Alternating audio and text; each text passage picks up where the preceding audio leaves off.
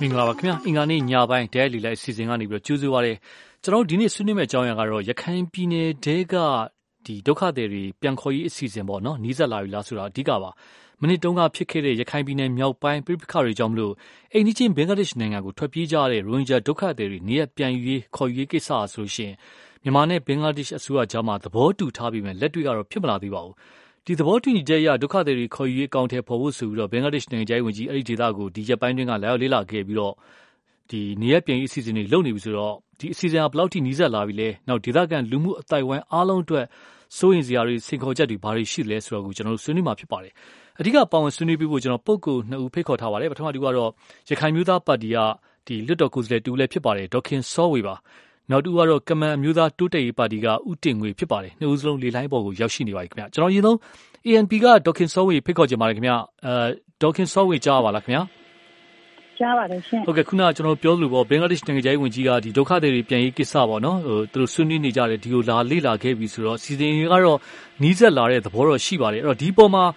ကျွန်တော်ဒေါခင်စောဝင်ကိုမေးချင်တာတော့ဒေသခံတွေရဲ့စိုးရင်ချက်ဒေသခံတွေရဲ့ဒီဒီစီစဉ်နဲ့အစိုးရလုပ်နေတဲ့အစီအစဉ်နဲ့ပတ်သက်ပြီးတော့စိုးရင်ချက်နောက်ဖြစ်လာနိုင်ခြေအနေအထားလေးဘယ်လိုများသုံးသပ်မိပါလဲခင်ဗျအရင်ဆုံးအဲ့ဒါလေးပြောပြပါဟုတ်ကဲ့ပါကျမတို့ဒီအဒီကဘောင်းတော့ဒေသမှာနေထိုင်တဲ့ဒေသခံတိုင်းရင်းသားတွေအနေနဲ့ကတော့အခု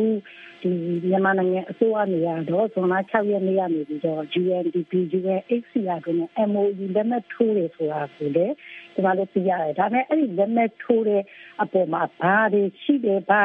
အချက်လက်တွေကိုဆိုတာကိုကျမတို့ဘာမှတော့မသိရဘူးအဲ့ဒါကြောင့်ကျမတို့အခုဆိုလို့ရှိရင်ဒေသခံနေရပေါ့နော်အခု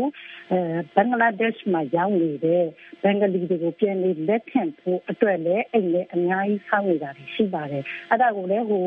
တကယ်နေရဲ့အပိုင်းမှာပဲဘင်္ဂလားဒေ့ရှ်ဝင်ပြီးလာရောက်တာကိုလည်းသိရပါတယ်အဲ့ဒါကြောင့်ကျမတို့ဒေသခံနေရတော့ပေါ့နော်ဒီလိုပြန်ရောက်လာတဲ့အခါနောက်ထပ်2010မှာဖြစ်ခဲ့တဲ့အကျဉ်းဖက်မှုတွေ2000 16 16မှာဖြစ်ခဲ့တဲ့အကျန်းဖက်မှုတွေပြန်ပြီးဖြစ်ပြန်ပြီးတော့ဒီလိုမျိုးပေါ့နော်တရားမှုတွေဖြစ်လာမှာကိုလည်းအင်မတန်စိုးရိမ်နေကြပါတယ်။ဘာလဲဆိုတော့အခုလောလောဆယ်မှာကျမတို့ဒေသခံတိုင်းရင်းသားတွေရော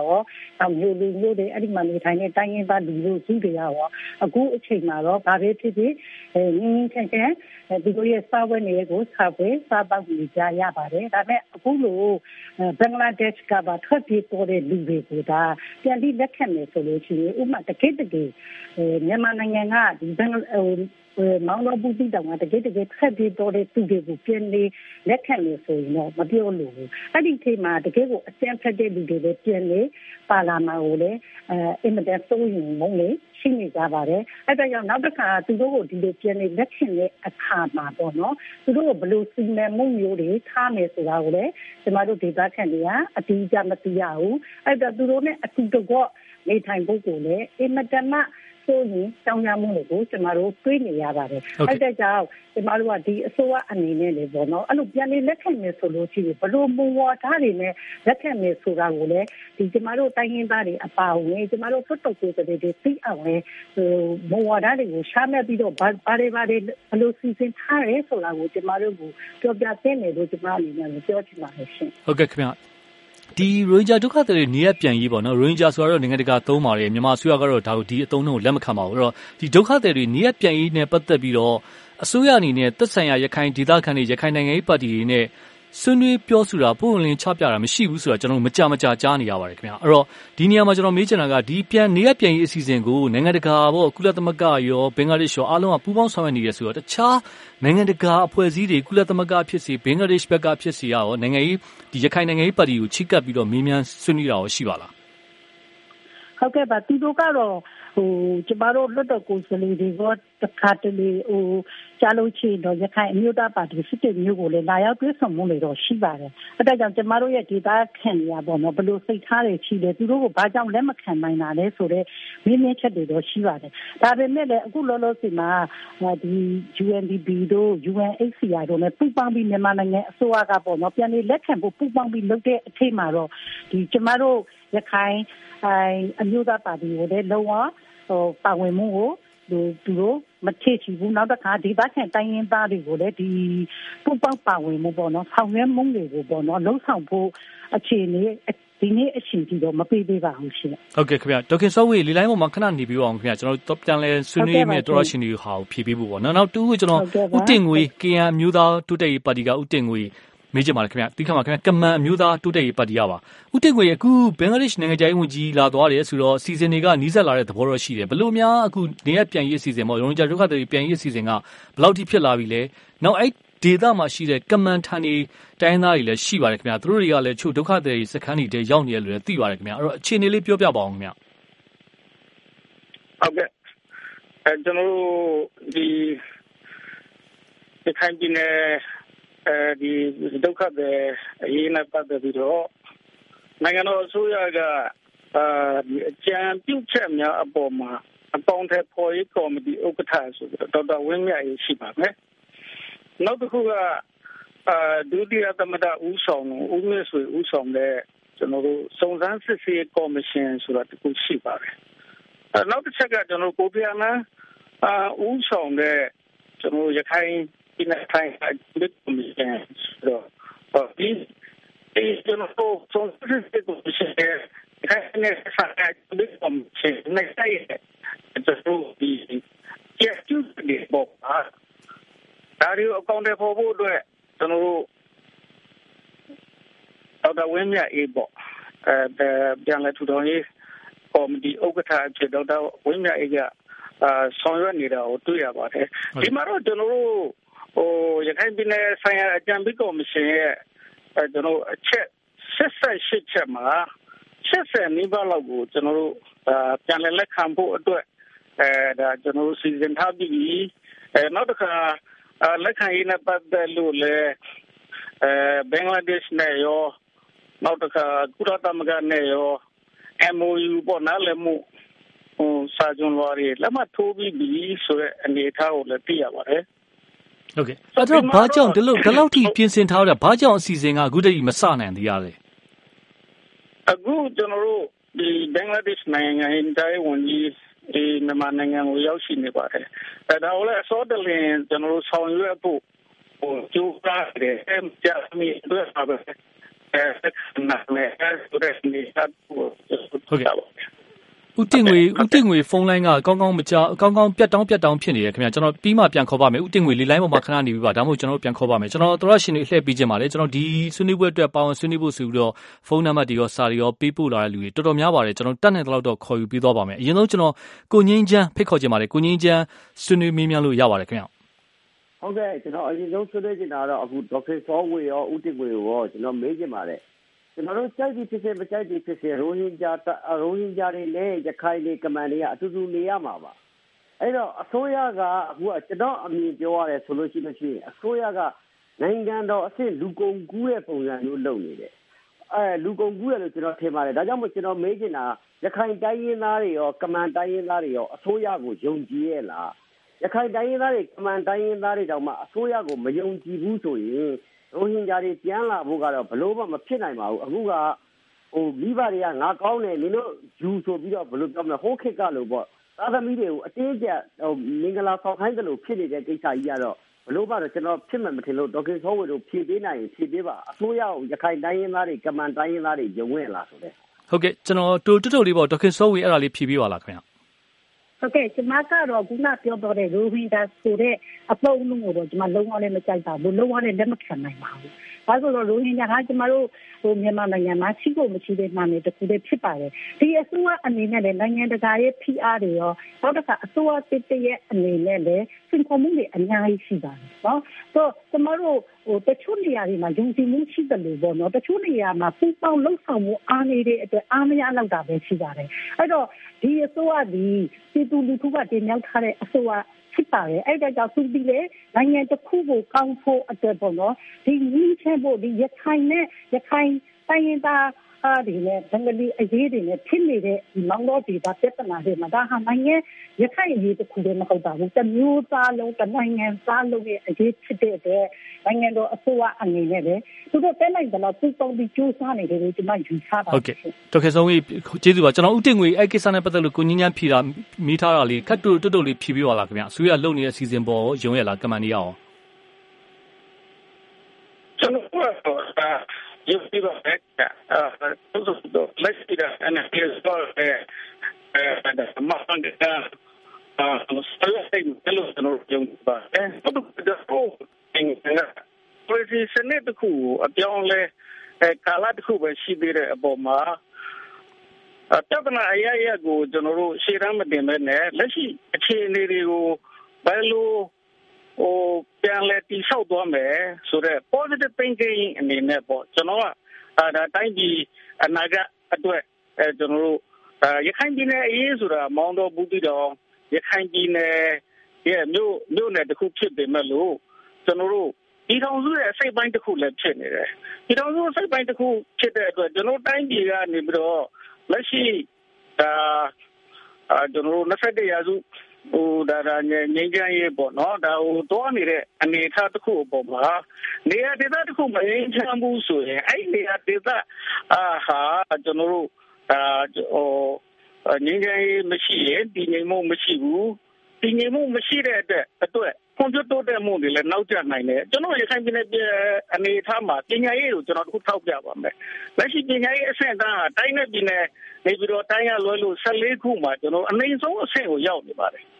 အဲဒါမြို့နယ်တွေထဲမှာရှိတဲ့ကျောင်းကျွန်တော်တို့25ကျောင်းမှာဆိုရင်အောင်တဲ့လူလုံးဝအောင်ချက်0ဆိုတဲ့အနေထားကိုတော့ရောက်နေပါတယ်အဲဒါကြောင့်မို့လို့ကျွန်တော်တို့ရဲ့ဒီရခိုင်ပြည်နယ်အဲမှာရှိတဲ့ဒီကျွန်တော်တို့နားလည်မှုလွဲမှားမှုတွေမတူကွဲပြားမှုတွေကိုလက်ခံနိုင်တဲ့ယဉ်ကျေးမှုတရက်ကိုရခိုင်ပြည်နယ်မှာအတိအကျပညာပေးဖို့လည်းလိုသလိုဒါကျွန်တော်တို့ဟိုအလား ဘယ်လိုရှိဟိုကျွန်တော်ဒီနေရာမှာဦးတင်ငွေကိုတခုမေးချင်ပါတယ်ခုနကကိုကြီးညံပြောသွားတဲ့အထက်မှာလည်းပါတယ်သူ့မြင်ကဒီဒီလူတွေကိုဥမာရိုဟင်ဂျာတွေဖြစ်စေရခိုင်တွေရောကမန်တွေရောအကုန်လုံးကိုစုပေးခြင်းနေတာဒါခုနပြောလို့အတင်းကိုပေးစားနေတဲ့ဆိုတဲ့သဘောမျိုးဖြစ်တယ်အဲ့တော့တကယ်တမ်းဒီဒီတက်မတူတဲ့အလူဖွဲ့စည်းတွေအားလုံးရှေ့တွဲနေထိုင်လောက်တဲ့အခြေအနေအလားအလာရခိုင်ပြည်နယ်မှာဘယ်လောက်ထိရှိပါလဲခုဒါကကျွန်တော်တို့ကမန်တွေကိုတော့ဒီလိုမျိုးဟိုအနေထားမရှိပါဘူး ကျွန်တော်တို့နိုင်ငံတော်ကလည်းအဲအတိုင်ပင်ခံပုဂ္ဂိုလ်ကလည်းအဲရခိုင်ပြည်နယ်မှာရှိတဲ့မွတ်စလင်များဆိုတဲ့နေရာမှာကမန်အာမပါပါဆိုပြီးတော့ဟောကျွန်တော်ပြီးကြကျွန်တော်တိုင်းရင်းသားဖြစ်တဲ့အတွက်ဒါဟိုကျွန်တော်ဟိုလောလောလဟုတ်ကဲ့တိုင်းရင်းသားဖြစ်တဲ့အတွက်ဟိုကမန်နေအနေနဲ့တော့ပြဿနာမရှိဘူးပေါ့နော်ဟုတ်ကဲ့ပြဿနာပါတယ်ပြဿနာမရှိပါဘူးကမန်နဲ့ရခိုင်တိုင်းရင်းသားတွေနဲ့အဲဒါနားလည်မှုလွဲပြီး2012မှာဖြစ်ခဲ့တာကလွဲလို့ဟို ကျန်တဲ့အခြေအနေမျိုးမှာအခုလက်ရှိလဲကျွန်တော်တို့ရခိုင်တိုင်းရင်းသားခေါင်းဆောင်တွေနဲ့ဟာလာကျွန်တော်တို့အတူတူဟိုဒါနေထိုင်တယ်အဲတော်လာတယ်အဲဒါမျိုးတွေရှိပါတယ်အဲအဲ့တော့အဲ့တော့အဲ့တော့ခုနကပြောလို့ဘင်္ဂလားဒေ့ရှ်နိုင်ငံကပြန်လာမဲ့ဒုက္ခသည်တွေနဲ့ဆိုရင်ရောရခိုင်နဲ့တော့ပြဿနာရှိပါပြီဟုတ်ပါတယ်ကမိုင်လူမျိုးတွေအနေနဲ့ကြာတော့ဘယ်လိုမြင်ပါလဲကျွန်တော်တို့ကဒီဘူးတိတော်မောင်တော်ဘက်မှာကမန်လုံးဝမရှိဘူးအဲ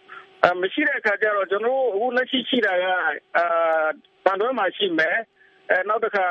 အာစစ်တွေမှာရှိမယ်စစ်တွေမှာရွာသုံးရွာပေါ့နော်ဆိုတော့ကျွန်တော်တို့ကဒီဘူးတိတော်မောင်တော်ကျောက်တော်ဒီနေရာတွေနဲ့ကျွန်တော်တို့အဲ့နေရာတွေမှာတမန်မရှိတော့ပါပဲခင်ဗျဟုတ်ကဲ့ခင်ဗျတမန်နဲ့တသနာဘာမှအာမရှိနိုင်ပါဘူးဟုတ်ကဲ့ကျွန်တော်တော်ရှိတူလှည့်ပေးခြင်းပါလေမောင်တော်ကဖြစ်ပါလေဥလာထွန်းဥလာထွန်းကြားပါလားခင်ဗျာတူတူတူဆွေးနွေးမေးမြန်းလို့ရပါတယ် ဟုတ်ကဲ့ကြားရပါတယ်ဟုတ်ကဲ့ဥလာထွန်းပြောပါဆွေးနွေးလို့ရပါတယ်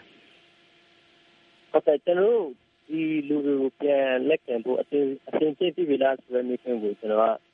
ကတူတူတူတူပြရင်လက်ခံစကန်ခုရဲ့တင်းချင်းစကန်ခုရဲ့အဲ့ဒါပြင်အဲ့ဒါပြင်ဒီဒုက္ခတွေကိုလက်ခံဖို့အချင်းချင်းပြည်လို့ကျွန်တော်ပြောလို့မရဘူး ကျွန်တော်လက်ခံပြီးတဲ့နောက်အစိုးရကဆက်လက်ဘာတွေလုပ်မလဲဆိုတာကိုပဲသိဝင်ကြတာကျွန်တော်တို့ကဟုတ်ကဲ့အဲ့တော့ကိုကိုဆိုလိုရာဦးလာထုံးဆိုလိုရာကအစိုးရကဖွင့်ထားတဲ့ဒီဒုက္ခသည်စခန်းနှစ်ခုကအစင်သစ်မဖြစ်သေးဘူးဆိုတာဘယ်ဟာတွေအစင်သစ်မဖြစ်သေးတာလဲမကျွန်တော်ပြောချင်တာကဒီစခန်းနှစ်ခုရဲ့တင်းတင်းစခန်းတစ်ခုရဲ့အင်းလေးယူနဲ့ဒီဒုက္ခသည်တွေကိုလက်ခံလက်ခံဖို့အစင်သစ်ပြည်ပြီလို့ကျွန်တော်ပြောလို့မရဘူး ကျွန်တော်ကလက်ခံပြီးရင်အစိုးရကဆက်လက်ဘာတွေလုပ်မလဲဆိုတာကိုပဲသိနေကြတာဒီလိုကျွန်တော်တို့1990ရှိဦးနေဝင်းလက်ထက်လက်ထက်မှာလည်းဒုက္ခတွေပြန်လည်လက်ခံခဲ့တာပဲ1990နီကုစေတော့ဦးတန်းချီလက်ထက်မှာလည်းဒုက္ခတွေပြန်လည်လက်ခံခဲ့ရပဲလက်ခံဒီရင်ဒီလိုတွေကိုဒီစင်လိုလောင်ဖိပြီးတော့မှဟိုအရင်ဟိုနေပြေးကင်းနေစင်ဘယ်လိုလုပ်မလဲပေါ့သူကအစိုးရအနေနဲ့လက်ခံပြီးရင်ဒီလူဒီလူတွေရဲ့